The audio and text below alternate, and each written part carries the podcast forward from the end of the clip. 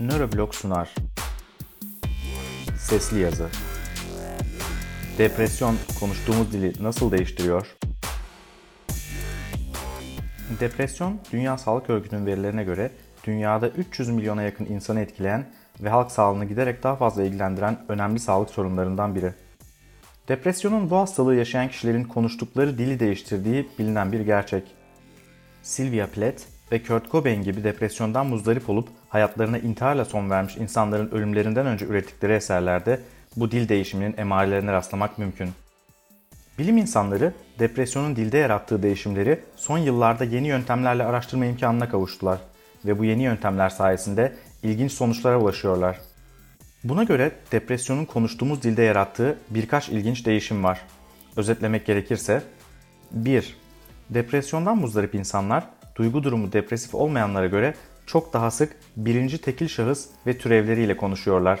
Ben, beni, bana, kendim gibi kelimeleri sıklıkla kullanırken ikinci ve üçüncü çoğul şahıs zamirlerini, örneğin siz ve onlar, diğer insanlara oranla seyrek ifade ediyorlar.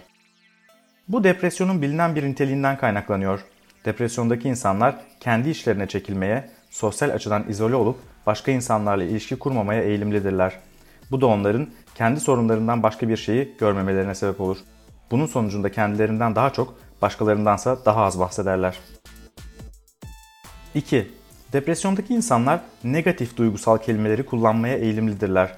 Üzücü, can sıkıcı, kahredici gibi sıfatlar ile üzüntü, can sıkıntısı, kahır gibi negatif duygusal yaşantıları tanımlayan isimleri diğer insanlara göre daha sık telaffuz ederler. Burada ilginç noktalardan biri depresyondan çıkıp kendini iyileşmiş ve mutlu hissedenlerin de hem bu negatif duygusal sözcükleri hem de bunların karşıtı mutlu, heyecanlı, sevinçli gibi pozitif anlamlar ifade eden duygusal sözcükleri daha sık kullanmaları. 3. Son maddede bahsedeceğimiz dil değişikliği oldukça yeni bir çalışmaya dayanıyor. İngiltere Reading Üniversitesi'ndeki araştırmacılar depresyondan muzdarip kişilerin birbirleriyle iletişime geçtikleri 64 farklı internet forumunda yazan 6000'den fazla insanın yazdıklarını incelediler ve makine öğrenmesinden yararlanmak suretiyle depresyondaki insanların kullandıkları dili analiz ettiler. Bilim insanlarının ulaştıkları sonuca göre depresyondaki kişiler her zaman, hiçbir şey, tamamen, asla gibi kesin yargılar belirten ve istisnalara olanak tanımayan belirli kelimeleri depresyonda olmayan insanlara göre çok daha sık kullanıyorlar. İşin ilginci yine depresyondan çıkıp iyileşen kişiler depresyondaki insanlarla deneyimlerini paylaşmak için bu forumlarda iletişim kurduklarında hem negatif hem de pozitif anlamda kesinlik belirten bu tarz kelimeleri daha sık kullanmaya devam ediyorlar. Bilim insanlarına göre bu durumda depresyonun bir başka özelliği ile ilgili. Depresyondaki insanlar dünyayı siyah beyaz görmeye eğilimlidirler. Her şey tamamen kötüdür, tüm dünya onlara karşı çalışır, hatta bazen buna o kadar inanırlar ki sanrılar ve psikotik semptomlar bile gösterebilirler. Depresyondan çıkan bu kişiler iyileştiklerinde ise bunun tam tersi bir duygu durumunda buna benzer bir dünya görüşüne sahip olabilirler ve her şeyi bir anda beyaz görmeye başlayabilirler.